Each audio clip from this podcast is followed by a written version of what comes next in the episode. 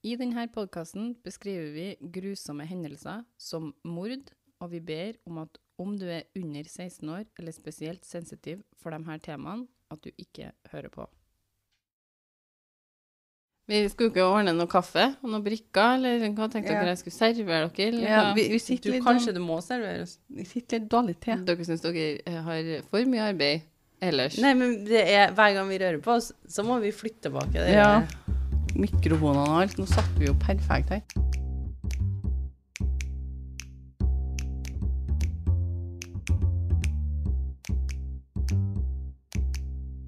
Hei, hei, alle sammen. Da er vi klar for en uh, liten pause her med oss, uh, vi anonyme mørkredde.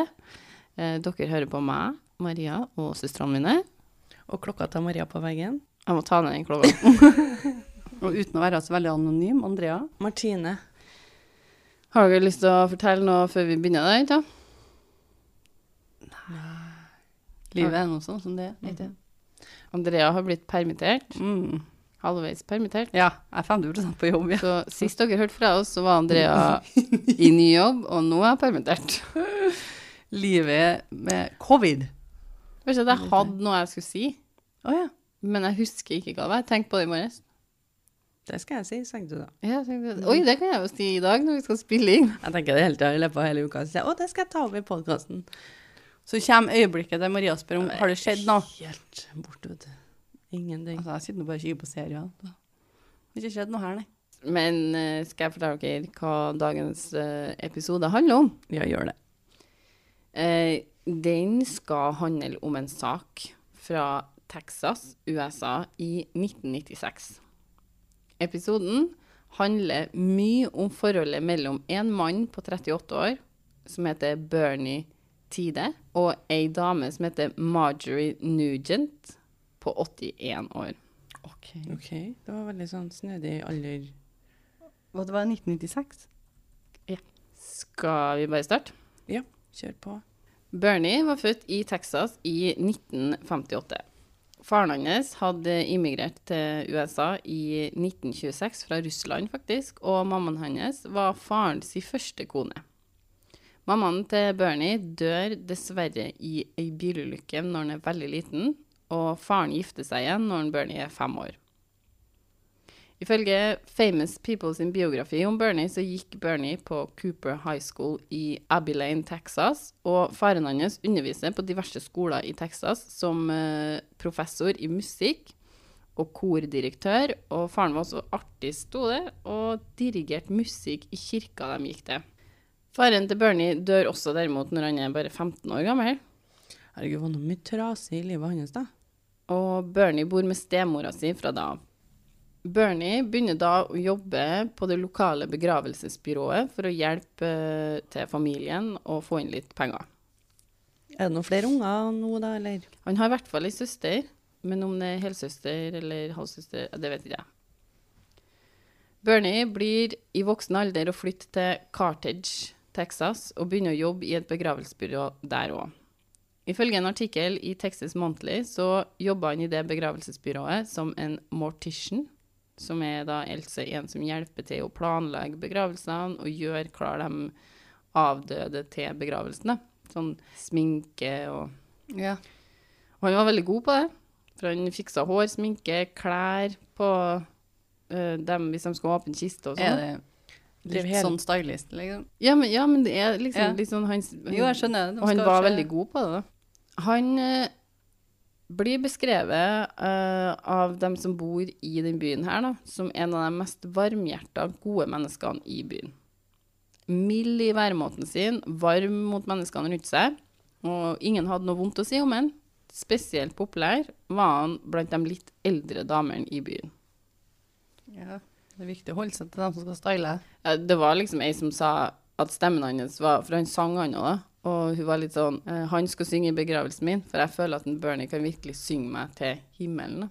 Så de var litt sånn Hold deg inn med han. Ja, han som kan synge deg inn til himmelen.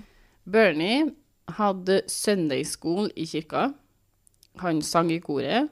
Han eh, tok til og med og hadde preken i kirka når presten hadde ferie eller var syk. Noen sier at han til og med var bedre enn presten til å ha preken, da. Altså, de var liksom Vi foretrekker egentlig en Bernie. Jeg er litt imponert. Jeg visste ikke at prester hadde ferie engang. De er jo, altså, de er jo høyt utdanna folk, da. Han blir involvert i drama og musikaler i byen, og tok ansvar for å sette opp flere musikaler sjøl. Han sydde gardiner til folk som trengte det. Han hjalp folk med skattemeldingene. Han var alltid klar for å lytte om det var noen som trengte å snakke om noe. Så han bare, han, han bare var der, da, hvis noen Han var sånn eh, i hele communityen, liksom. En Mm. god mann. Så han hjalp det der han kunne. I en av artiklene fra Texas Monthly så uttaler eieren av begravelsesbyrået seg og forklarer at en Bernie var peachy og sweet. Når han ikke var kledd i begravelsesdressen sin, så hadde han på seg fargefulle Tommy Hilfinger-klær og kjørte rundt i byen, vinka og smila til alle. Og så han var liksom, han var liksom kompis med alle. Sånn all around good guy. Han sier videre at Bernie hadde et greit utseende, at det var mange jenter i byen som kunne ha tenkt seg å date han, men at han aldri viste noe romantisk interesse for dem, rett og slett. Å nei.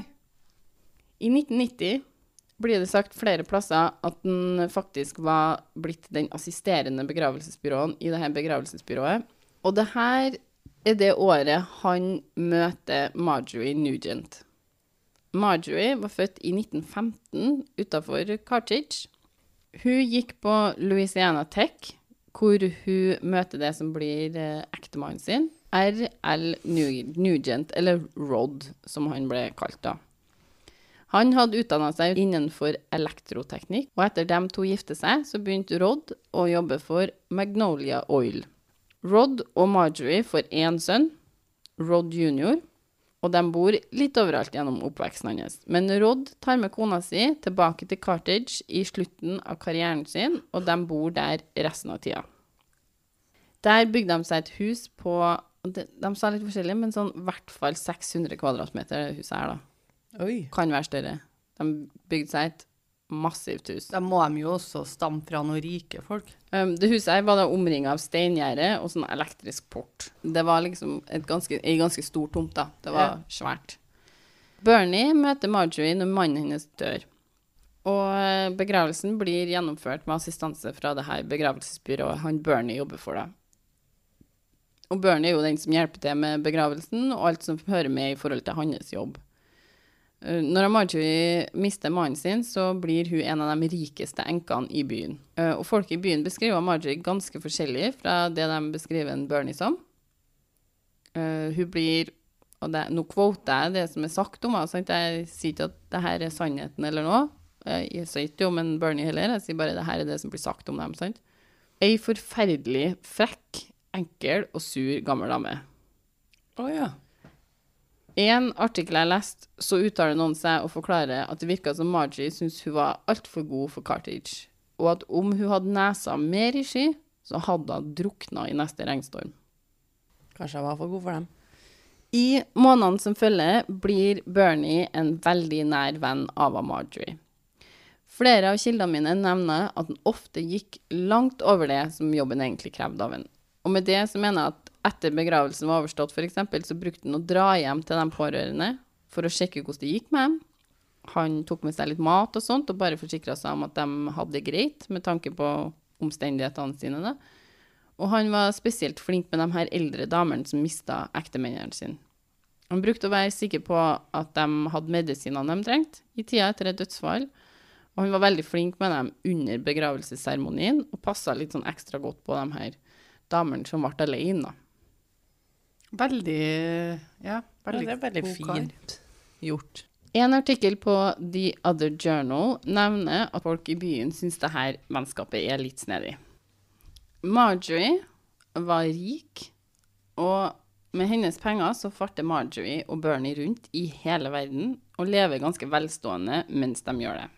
Det står flere plasser at det er antatt, og blir senere bekrefta, at Bernie er homofil. Ja, det har ant meg tidligere her. For du sa, når du sa noe om at han har aldri noe interesse for noen damer eller noe, tenkte jeg det. Men eh, er det et eller annet her som har skjedd Har de møttes før den mannen her dødd? Nei, det har ikke de. Så det er ikke de to som har gått sammen Nei. om å ta livet av han? Nei. Men det at en Bernie er homofil, gjør at de syns forholdet var enda litt mer snedig, da. Jeg tenker Fordi- det motsatte, men Men det virka som om det var et kjærlighetsforhold, egentlig. Men at det på en måte var, var veldig sånn platonisk, da. At det var et platonisk forhold. Men de oppførte seg som om de var Men på en måte et par. er det det verste i verden? da? Nei. Hun har jo nettopp mista mannen sin, og han har egentlig ingen livscompanion, liksom. Så hvis de finner hverandre og har lyst til å være sammen og tilbringe tid sammen, så er jo ikke det det verste i verden. De reiste rundt i verden. Hva er det du mener da? De reiste liksom De reiste til Europa, til England, til Wales, altså mange plasser i Europa, da. Uh, Spenstige og 81 år gamle damer? ja, de drar på et cruise, tror jeg. Ja, de gjør mye sammen. Når Margie blir snakka om i byen, så handler det jo mest om eh, hvordan de syns hun fremstår, uh, og hvor mange konflikter hun har med familien sine. Ifølge en av artiklene til Texas Monthly så snakker ikke Marjorie med søstrene sine. Ene søstera bodde i samme by som henne, altså i Cartridge. Men pga. en konflikt over arven når mammaen deres døde på 80-tallet, så snakker ikke de sammen. Marjorie har òg et komplisert forhold til sønnen, Rod jr. Eh, derfor hadde de nesten ikke noe kontakt på det tidspunktet. her. Om hun likte noen, så var hun veldig flink på å sende kort og takkebrev. Og være veldig sånn Takk for at du hjelper meg og er snill med meg. Og Men det blir sagt at hvis man skulle liksom komme i hennes good grace, så måtte man være veldig imøtekommende for hennes behov, og være sikker på at ting gikk sånn som hun ville. da. Hvis ikke så ble hun veldig sint og sur på dem Sier dem. si- sier folk. Andre sier at hun ikke var så ille, bare at hun ikke jobba veldig ekstra hardt for å være snill og vennlig med folk. Nei, hun gjorde ikke ekstra. Nei. Hun, når hun satt og venta på og timen sin i banken, f.eks., så drev ikke hun og småsjetta med Nei. folk. Men det var folk som ikke opplevde henne som, som sur og sint for det. De bare opplevde henne som en sånn Du er ikke en veldig sånn smalltalk-person. Nei, Du vil være og slett litt sånn introvert. Mm. Vil være litt for seg sjøl. Hun virka alt i alt å være det absolutt motsatte av en Bernie, da. Sånn ut ifra det folk oppfatta som. Så deres forhold starta først med middagsavtaler, og det vokste litt derifra. Bernie var omtrent den eneste personen i byen som eh, brydde seg så veldig om Marjorie etter mannen hennes dør. Og hun begynner med å gi han veldig dyre gaver. Han får f.eks. ei Rolex-klokke til en verdi av 120 000 kroner. Oh my god. Uh, Ava ikke så lenge etter begravelsen til en Hun er nå veldig hyggelig dame, det her, da. I begravelsen til en Rod så kom det veldig få personer for å støtte Margie. Jeg tror det var en sånn tre-fire stykker som dukka innom og sa kondolerer, da. Mm. Uh, sånn at han Bernie merka jo det òg, da. Så han tok litt sånn ekstra vare på henne etterpå. Sånn som han gjorde med alle, men Flesteparten, ja. kanskje enda mer med Margie, da. Han Bernie får klær, han får biler, han får flytimer. Han får flytimer og biler. Flytimer på det tidspunktet her må jo være dyrt. Ja, og han ender opp med å kjøpe seg noen småfly òg, etter hvert, da. Men det her forholdet her, det utvikler seg til et punkt at Bernie blir en slags tjener for Marjorie. Han hjalp Marjorie med mye. Han fikk mye, som jeg sa nettopp, men han hjalp henne med masse. Han var på plass i huset hennes fra morgenen av for å fikse klart frokost og kaffe til. OK. Han fiksa fram klærne hennes. Han passa på at hun hadde medisinene hun trengte. Han klippa neglene hennes. Han leste henne. Han dro på musikaler med henne. Han dro på cruise med henne. Som jeg sa i stad, forskjellige land i Europa. Ja. Er det tjenester? Ser du på det som tjenester, Marie? Eh, og dra på cruise og sånn. Ja. Hun ville jo ikke dra alene, Nei. sånn at han drar med henne, da. Men altså Men tror du han hadde så vondt av det? hadde nok ikke så veldig vondt av å dra på cruise. Så.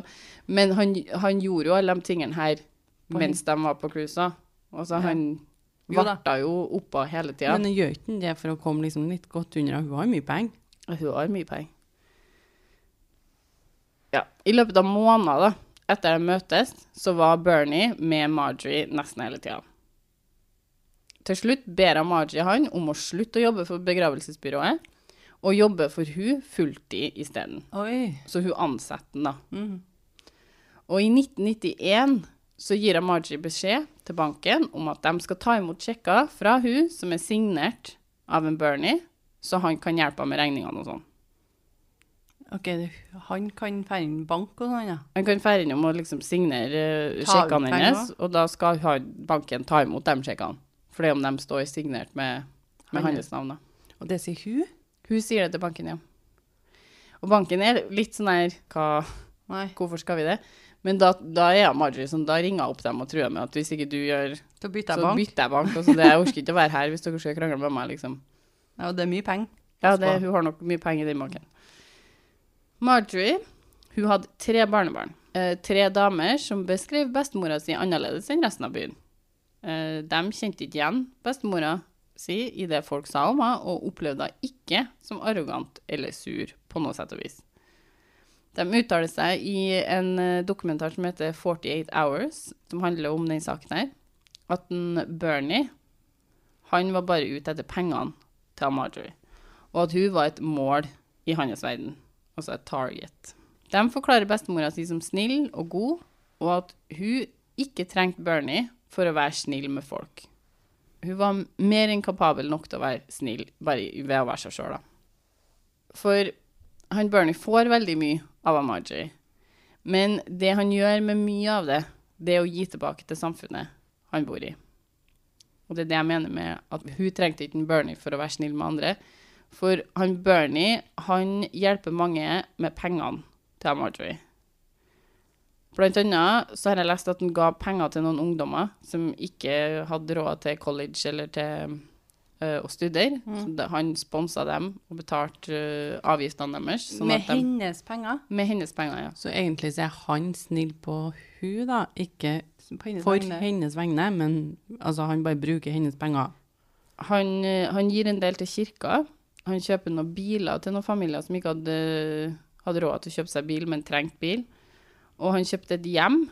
Jeg vet ikke hvordan, det står bare 'bought a home' til et par som sleit med penger.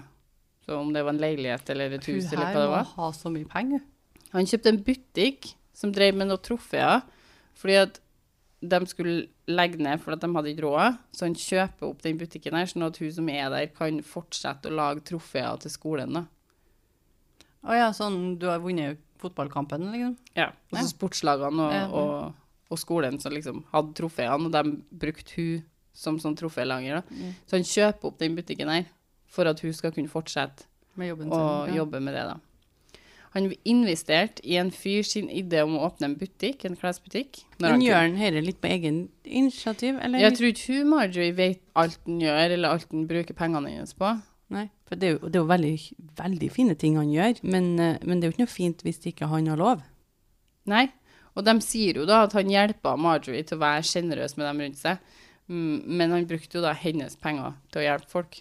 Ja. Framstiller jo seg selv som en veldig flott fyr da.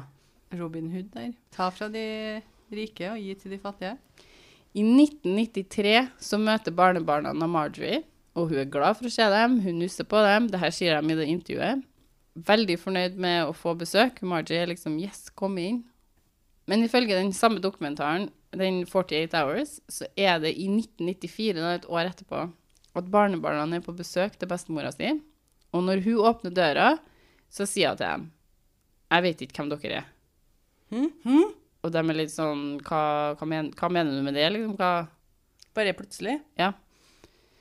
Sånn som om vi skulle ha dratt til farmor nå, så hadde jeg ikke visst hvem vi var. Liksom. Det er ikke sånn at Liksom- du har vært syk eller noe, liksom. Nei, det er jo, spørsmålet er jo, er hun dement? Vet ikke hvem de er? Mm. Eller sier han mer på en sånn her metaforisk måte, jeg vet ikke hvem dere er lenger. Nei, nei, riktig. Det er det ingen som vet. Ok, så hva liksom typ ment med det? For det kunne også vært liksom, jeg kjenner ikke dere, dere er liksom ikke noen jeg kjenner igjen på en måte. Ja. Uh, men de er liksom sånn, hva, hva, hva mener du? Og, og Margie hun gjentar da at uh, jeg vet ikke hvem dere er, eh, og at de har nødt til å dra. Så dere må dra herifra. Du sender dem på dør, liksom. Ja. Hvor Men- er han Bernie her, da? Eh, Det er ikke spesifisert akkurat i den settinga her, da. Jeg får en sånn liten uggen følelse av den her. Er han dopa ned, ja? Eller er det sånn at han har sagt at nå må du kvitte deg med alle du kjenner, liksom? Men barnebarna de går inn i huset likevel. Oh, ja. De er litt sånn ja. Mhm, flott. OK, nå er du Nå må du ha litt hjelp Ja, nå må du flytte deg, sant? Og da ser de at det er bilder av en Bernie overalt i huset. Overalt. Ok, det er noe litt creepy. Men er det alle tre jentene her? Ja, her er alle tre jentene. Ja, men altså, altså bra, hvis du føler at det er noe som skurrer, liksom. Jo da. Ja, ja, ja. Men jeg bare lurte på om det var alle, treene som kom. Ja, jeg, jeg fikk i hvert fall inntrykk av at de alle var De lurer da naturligvis på hvem det her er, for de har ikke truffet en Bernie. Så de er litt sånn Hvem er dette her? Og Marjorie sier da at liksom det, er en, det her er en venn av meg. Som jeg har masse bilder av. Og barnebarna syntes at det var mest merkelig at alle bildene av Rod, han bestefaren, var borte. Erstatta med Bernie sine bilder. Ja. Og de spekulerer på hva som eh, foregår her, og- og de blir enda mer overbevist om at Bernie prøver å lure til seg penger, da. De har jo visst av hvem, at, at han okay. har en kompis, på okay, Ok, så de vet at de har vært på ferie og sånn? Ja. Okay. de bare vet ikke hvem, altså de har aldri møtt den, så de vet ikke hvem det er på bildene. Ikke sant, Driver er ikke å springe ned døra inne. Nei, det er ikke Facebooken, det er Nei, men de driver ikke og tar hele tida. Nei, første gangen når hun er veldig glad for å se dem, er jo i 1993. De bor ikke i samme by eller noe, så Nei, ok. neste gang med, de er på besøk er et lite år etterpå. Og da er jeg sånn, jeg vet ikke hvem dere er. I det intervjuet av barnebarna så sier de at de er overbevist om at Marjorie var forelska i en Bernie. Dette er siste gangen barnebarna Thea og Marjorie treffer henne. Ifølge en av artiklene på Texas Monthly så har Marjorie allerede på dette tidspunktet her gjort om på testamentet sitt og tatt sønnen sin ut av det og putta han Bernie inn som enearving til alt. Men sønnen lever jo. Hva, hva sier Men de hadde jo ikke noe godt forhold, de to. De, på dette tidspunktet, de vet ikke det. Å. Bernie hadde et eget hus. Han hadde kjøpt seg en sånn treromshus, ikke noen sånne store greier, som oh, ikke lå så langt fra Marjorie sitt da. Men han har vel kjøpt det på hennes penger, med hennes penger? Ja, jeg tror hun har fått det av henne. Han var derimot hos Marjorie nesten hele tida. Videre i den artikkelen til Texas Monthly så forklarer Bernie til søstera si i 1995 at da Marjorie virker som om hun har blitt delvis dement. OK. Han sier at hun hadde sparka alle gartnerne sine fordi blomstene ikke blomstra når hun ville de skulle blomstre, og at hun hadde kjøpt ei 22 caliber rifle som hun ville at en Bernie skulle bruke for å skyte beltedyrene i hagen med. Tror ikke vi at det her er noe han finner på? Etter søstera får høre det her, så spør han Bernie hvorfor han ikke slutter å jobbe til Marjorie. Altså hva Det her er ikke jobben for deg, liksom. Hvorfor, hvorfor slutter ikke du? Men da svarer han at han kan ikke slutte.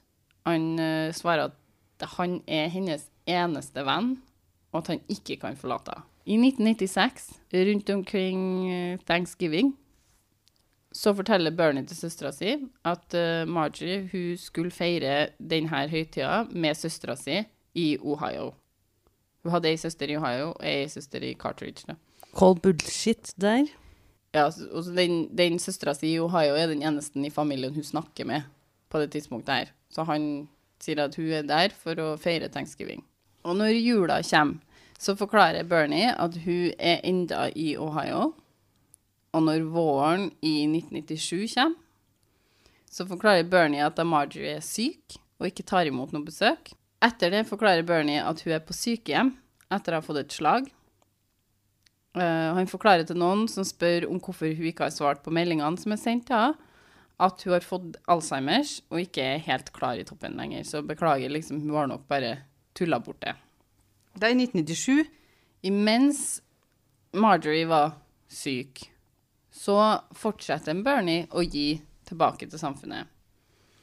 Uh, alt virker normalt, utover at da Marjorie ikke viser seg ut blant folk.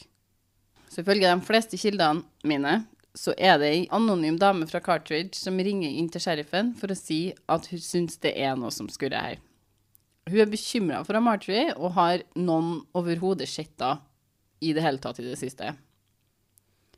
På grunn, og det her er det her er forklaringa er på grunn av andre ting som foregikk på samme tid her nå, så blir ikke sheriffen å ta en titt på denne bekymringa før en måned etterpå. De finner eh, Bernie i Las Vegas på et bryllup til en av de tidligere studentene i Cartridge som eh, har bedt ham om å synge i bryllupet sitt. Og han forklarer at Marjorie ligger på et sykehus under falskt navn fordi hun ikke vil bli forstyrra. Sheriffen sin avdeling sjekker ut det her, og det er ingen som matcher Marjorie sin eh, beskrivelse på det sykehjemmet Bernie påstår at de er på. Og sheriffen gir derfor beskjed til Rod jr. Jeg tror du skal sjekke ut hvordan det går med mor di, liksom. Mammaen din er savna. Ja. Så uh, Rod jr. tar seg en tur hjem til mammaen sin uh, med den eldste dattera si for å sjekke ståa her, da. Står det noe om hvor gamle de er, de døtrene? Nei, men i dokumentaren så det skjer det at de er 40. De er nok litt yngre enn det på i det tidspunktet her, da. De er ikke like gamle, da, men yngre enn han i hvert fall. Da, Ja. Ja. sikkert. De er, de er godt voksne damer, da. Så de tar seg inn i huset. Ingen uttaler at de syntes det var noe unormalt ved huset eller noe. Det var liksom bare Og så finner de den store fryseren teipa over for å holde den lukka. Og da tenker de liksom noe, Det er noe det er noe som skurrer. Hvorfor er den fryseren her teipa over, liksom? Rod junior bestemmer seg for å sjekke hva som er i fryseren. Og det er her, da, ni måneder etter hun er sist sett av noen i livet, at de finner Marjorie. I fryseren. Under en del frossemat, til og med. Så det er litt sånn her, Den er brukt, den fryseren her, etterpå. Tulla inn i et hvitt laken helt nederst i fryseren. Når sheriffen og avdelinga hans kommer, så bestemmer de seg for å flytte hele fryseren til Dallas. Altså, de, er sånn her, de, skal, de skal ikke borti noen ting. De skal ikke ødelegge noen ting her. De flytter hele fryseren. De ordner en sånn aggregat, sånn at de kan holde den fryseren gående Ja. mens de flytter den. Og etter det så får de å lete etter en Bernie. Uh, Bernie blir funnet, ifølge denne 48 Hours-dokumentaren, hjem til seg sjøl. Og Bernie innrømmer at han drepte Margie den 19. november i 1996, ganske fort. Statsadvokaten går da i gang med en gang med å få han her dømt for first degree murder eller overlagt drap. For han er sånn her OK. Vi Easy, liksom. Men nå tar den saken her en liten ny vending, da. Ny vending! Han har jo innrømt det. Så mange i denne byen her var dypt sjokkert. Og ikke over drapet, men At han over er- at statsadvokaten tenkte at han skulle fengsle en Bernie for det. Så de, men, de er med på at han har drept den. De bare tenker at det var vesentlig god grunnlag for at han skulle gjøre det, liksom. Mange kom inn på kontoret til statsadvokaten og forklarer at de enten ikke tror at en Bernie har gjort det, eller at han i så fall hadde en veldig god grunn til å gjøre det. tror ingenting i rettssystemet står 'Jeg har god grunn til å drepe'. Det er jo formidlende omstendigheter der ute her, da. Det er ikke sånn at alle drap blir dømt like hardt. Nei, Og så er det ei, ei dame, ei, eldre dame. Ei, ei, det er jo ikke akkurat jeg har lyst til å si gammel, gammel dame. Ja, ja, hun er det. Hun er Så- oppe i. Jeg tenker at han må ha et godt grunnlag til at han følte at han måtte drepe og putte en fryser inn i måneden, da. Det er et så stort press på at Bernie ikke skal fengsles, at uh, de må flytte rettssaken til en annen delstat. Og det her har vi hørt om før, at liksom vi kan ikke ha rettssaken her pga. at uh, juryen vet altfor mye om Media har hatt et field day og Ja. sånn. Men i den saken her så er det ikke fordi Media. de er bekymra for at juryen eh, dømmer den tiltalte for hardt eller for mye pga. medieoppslagene. Nei da, det er fordi at de tror ikke det går an å få han dømt Med den juryen der. med den juryen fra Cartridge. altså de, Det blir ikke en rettferdig sak, fordi at juryen vil mest sannsynlig ikke dømme ham. Yes. Uansett, altså, det blir, liksom. Han har ikke mulighet til å få en fair trial fordi han mest sannsynlig ikke blir dømt. Altså, han, det går. Uansett bevis, så tenker jeg at han kommer, kommer ikke til å dømme han. Og det her er enda for, de, har, de visste at han hadde tilstått drapet. Alle visste det. Det, det er sykt. Altså. han her statsadvokaten han hadde nødt til å skynde seg å få kausjonen til en Bernie opp. Ja, så ikke de fikk til å betale den ut, denne gjengen. Ifølge en av Texas Monthly-artiklene så måtte statsadvokaten da ta ut flere anklager mot den. For det var folk i byen som hadde samla inn penger, da, og gått sammen for å samle inn penger for å få han ut på den originale kausjonen hans, som var satt til 1,5 millioner. Og presten, han holdt preken hver søndag, hvor han bedt for en Bernie om at han skulle bli løslatt og sluppet ut av fengsel. Presten? Det kommer òg fram noen greier om noen videoer som blir konfiskert i huset til Bernie. Der mange offentlige folk, folk fra sheriffen sitt kontor, state troopers og sånt, som det blir sagt er på videoen, og at de gjør ting de ikke skal gjøre. Hæ? De går ikke noe mer inn på det her. Jeg, Men er det, er det sånn at han har noe blackmailing-opplegg han foregår? jeg vet ikke hva greia med Og de, her videotapene er. Videoene her var funnet hjem til han. Ja. Veldig usikker på det. Det er faktisk noe vi har nødt til å ta med litt klype salt her. Eh, Ja, men hvis det er noen av lytterne som vet noe om dere teipene, Mm. som har hørt saken og hørt om det, så vil jeg gjerne høre. For det Så fortell meg gjerne, for de, eh, de blir nevnt en gang til, men det er veldig lite om dem. Jeg vet ikke hva som er på dem, eller Nei, jeg vet ikke. Så det er ikke sextape, liksom. Marjorie var skutt med den 22-kalibers rifla som hun hadde kjøpt for å få han Bernie til å skyte beltedyr.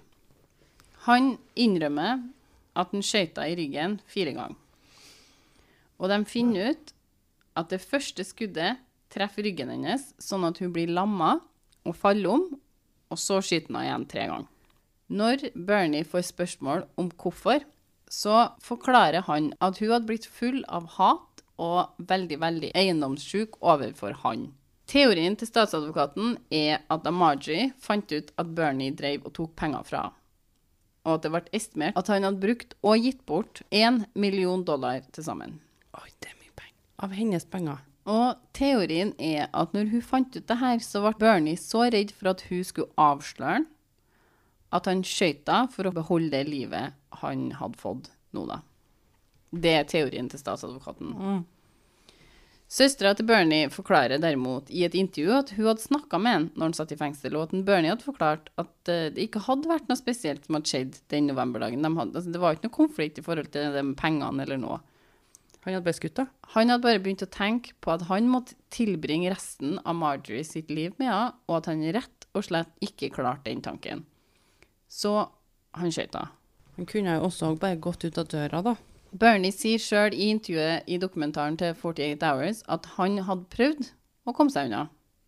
Men han var ikke spesielt stor på konflikter, og derfor, når han hadde sagt det er bra, nå skal jeg fære, så hadde hun stengt den elektriske porten, og hun var så sint og frustrert at han kom tilbake og innså at han bare hadde nødt til å på en måte være med henne. Statsadvokaten får godkjent ønsket om å ha rettssaken en annen plass. Så når rettssaken begynner, så er den bestående av en jury som aldri har hørt om en Bernie før. Bernie blir dømt for drapet på Marjorie, og noen plasser står det at han blir dømt til 50 år i fengsel for drapet, mens noen andre jeg har lest, så står det at han får livstid i fengsel. Så litt usikker på hva som stemmer der. Men han får i hvert fall ganske mange år i fengsel. Og nå tenker dere kanskje at uh, denne greia Ja, det tenker jeg. Nå er det ikke så veldig mye mer. Det er ikke noe mer å ta med det her. Han har kommet i fengsel. Alle, nå kan vi fortsette livet vårt. Men han Bernie, han anker saken sin. Uh, og retten sier nei. Her gikk alt eh, rett for seg, og du fikk det du fortjente i den saken der. Vi eh, aksepterer ikke anken din. Bernie sitter i fengsel i 17 år, og så skjer det noe mer i saken her. 17 år, når, var han 38 når det skjedde, eller var han 40 når han var 38 når det skjedde, ja. Ja. Han er blitt eh, Fem. 60-ish. Som Bernie sitter i fengsel i 17 år, og nå skal jeg forklare dere litt hva som fører til at det skjer noe mer i saken hans. En fyr som heter Richard Linklater, han begynte å lage en film om en Bernie rett etter at Bernie ble dømt for drapet. Så han lager en film som handler om Bernie og det drapet her. Eh, Den ble ikke ferdigstilt og sluppet før i 2011. Og den filmen er det en Jack Black som spiller en Bernie. Og og Matthew McConaughey, som spiller han eh, statsadvokaten i filmen. Hæ? Alle har hørt den filmen her.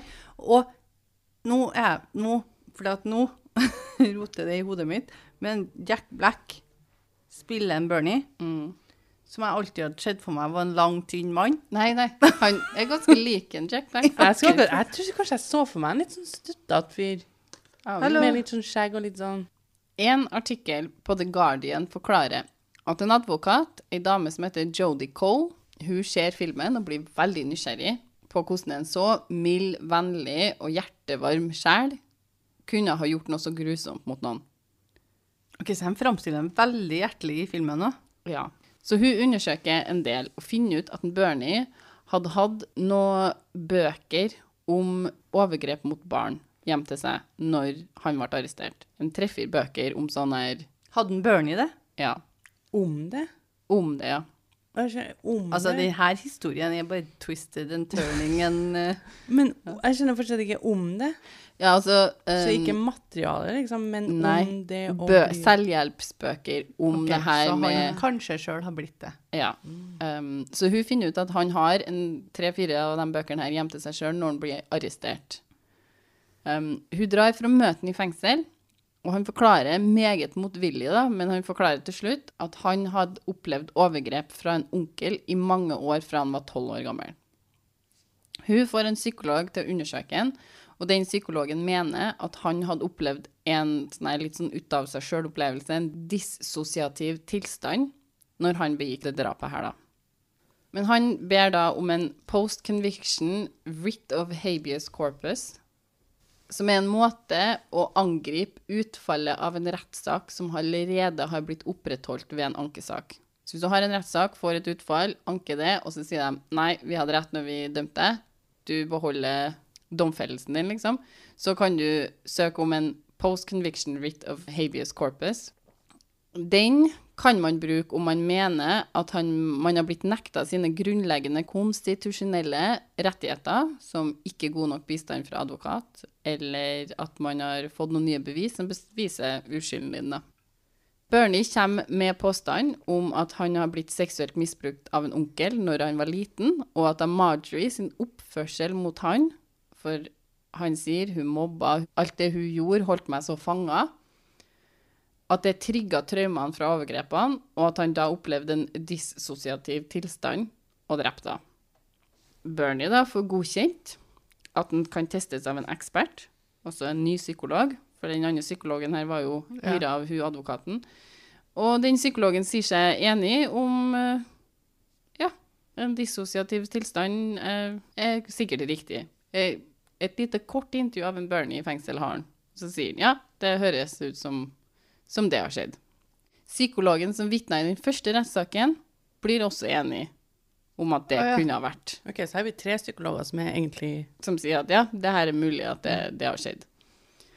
Så ifølge Johnson Toby sin artikkel om saken, så kjører media en ganske sterk linje da, på at Bernie her er et offer i saken. Og at han er en snill mann som er fengsla på feil grunnlag. Så familien til Marjorie blir da naturligvis ganske sjokkert over det her. Mener jo at det her ikke, altså, de mener jo at han både planla å drepe, drepe Marjorie, og at han gjorde det for å få pengene hennes. Ja, for enn alle de pengene han har brukt, da? De tar opp kampen tilbake og ansetter advokater sjøl.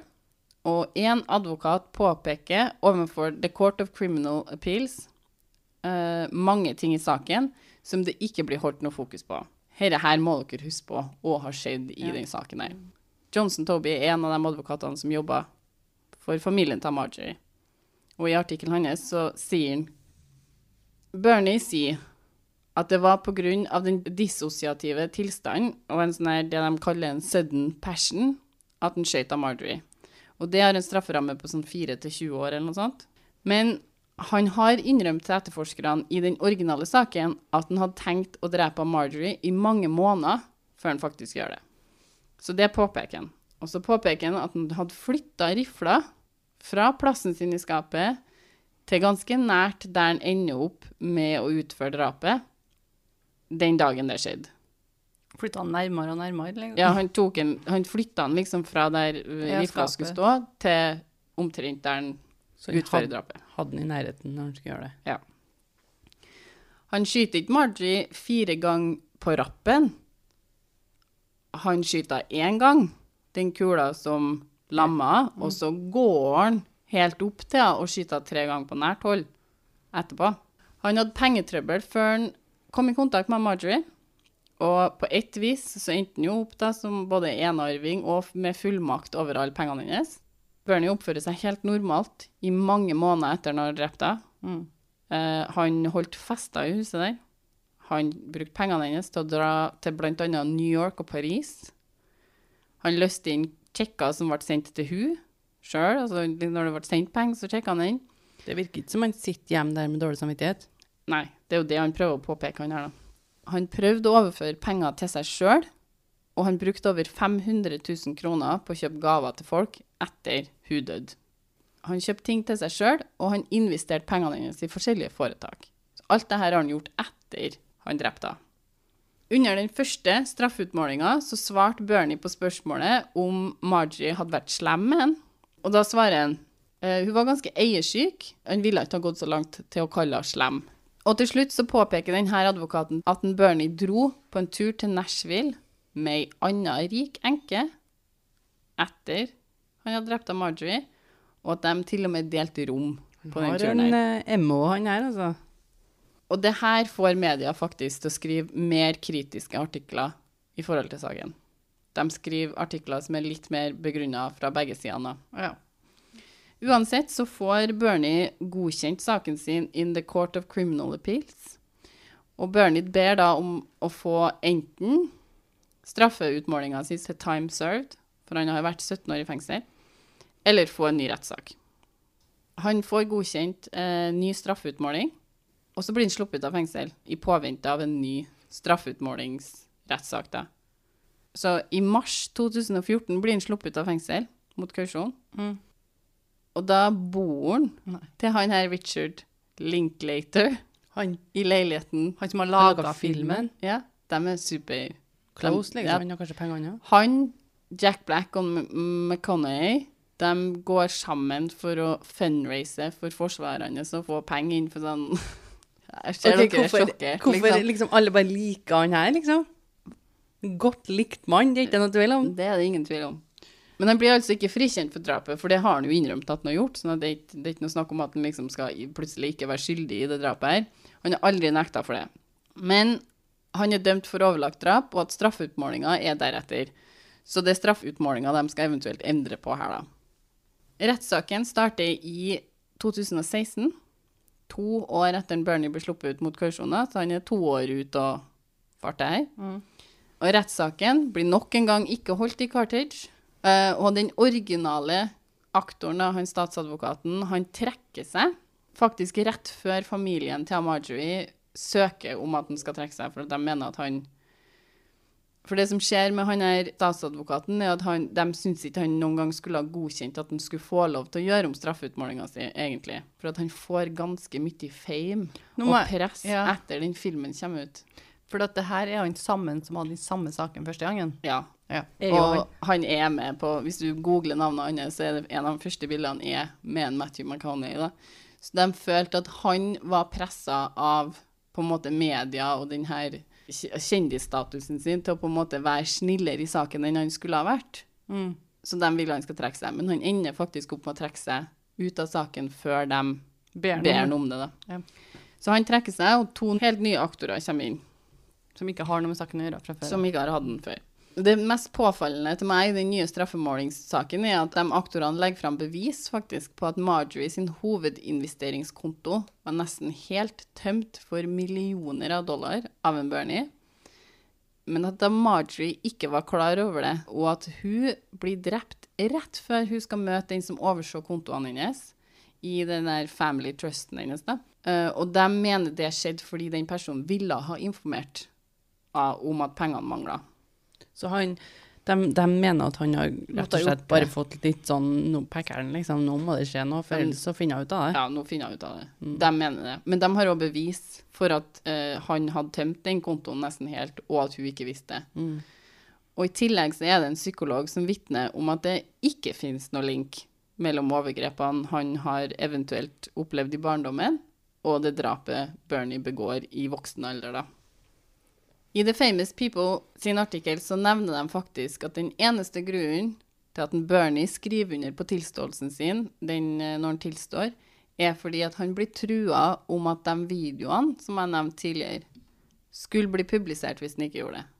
Som vi ikke aner hva er for noe. Ja, og jeg tenkte det var kanskje, jeg måtte nesten nevne det. For jeg, som sagt, jeg vet ikke noe om det, men vi vet jo at det finnes falske eh, tilståelser. Ikke at jeg tror at han har tilstått noe falskt. Han har aldri nekta for det. Alltid sagt at eh, det var sånn det foregikk. Juryen går for å tenke seg om, og etter fire timer så kommer de tilbake med bestemmelsen sin. De dømmer en Bernie til 99 år i fengsel. Oi! Shit! Oi! Det tok noe så egen vending. Nok en vending. Ja ja, han fikk vel to år ut, da. Ja, han har fått to år i frihet, da. Ja, Men fortjente han de to årene, da? Det spørs hvem du spør i den saken der, da. ja veldig. Hvem du spør. En anker til skjer faktisk. Eh, men Texas Court of Appeals opprettholder dommen på 99 år i august 2017. Så han anker, anker liksom den nye straffeutmålinga si òg, men får avslag på det. Å, angrer han litt nå, da? Altså. Sorry, jeg bare føler at det må være sånn der Nå, er nå har ikke jeg lest en kjempemye om hvor mye Matthew McConaughey, McConaughey støtter en, men han Jack Black er med i den dokumentaren til The 48 Hours, og han er full on Team Bernie, altså. Det, det er litt sykt, syns jeg, når du kommer sånn i ettertid. Og i hvert fall Du er det- kjente jo ikke den da. og, og ikke har egentlig noe store forhold til de involverte i Altså, jeg skjønner jo at eh, barnebarn av hun Marjorie og familien til Bernie har en formening om hva Nå skal ikke jeg være noe team noe som helst her, altså, men uh, Ja, man kan jo ikke drepe noen for nei. noe grunn. Og det kan man liksom Altså- ikke gå rundt. Men det er en vanskelig sak å, å egentlig skjønne seg på, fordi det er veldig mange Men man kan jo heller ikke utover. Han blir sammenligna som det å leve med en voldelig eh, partner, da, og at han, eh, han Ja. ikke klarer å komme seg ut av det. Det er derfor jeg syns det er vanskelig å si Den- I jeg skjønner- du trenger ikke å skyte, da. Nei, jeg, jeg skjønner den der. Jeg gjør det. At, at det må være litt vanskelig, akkurat det der. Eh, Men, eh, men det er så mye annet. Ingen som egentlig vet hva som skjedde mellom dem. Altså, sånn, vi vet bare det som blir gjenfortalt av andre, som har skjedd Jeg tenker hvis du- Og så på virker det jo som han her er veldig godt likt. Virker som en, at, at du blir fort glad i han. Og det farger synet ditt ofte òg på det de folk Jo, gjør. Jo, men eh, hvis du har vært Hvis det ikke har vært noe penger inni det her, da. Hvis jeg var ei 81 år gammel som har vært eh, ei dame som har vært ekkel mot en 40-åring, så Men filmen 'Bernie' har fått en del oppmerksomhet for at den portretterte saken veldig nært sannheten. Men det var alt vi hadde for denne gangen. Jeg og Andrea Martine skal nå i hvert fall se Bernie-filmen. Vi må finne ut om den streames noen plass. Den heter bare Bernie, den filmen. Det er en mørk komedie. Interessant liv på en Bernie her, må vi si. Ja. Følg oss gjerne på Instagram. En liten pause. Om du har en historie, en vandrehistorie, eller bare en historie du har hørt, en trist, glad, skummel historie, så send oss gjerne en mail om du vil dele den med oss på En liten pausepodkast at gmail.com. For vi vil gjerne ha historier til de bitte små pausene våre. Og mailen er sammenhengende. Takk for at du lytta på. Vi høres neste gang. Ha det. Ha det.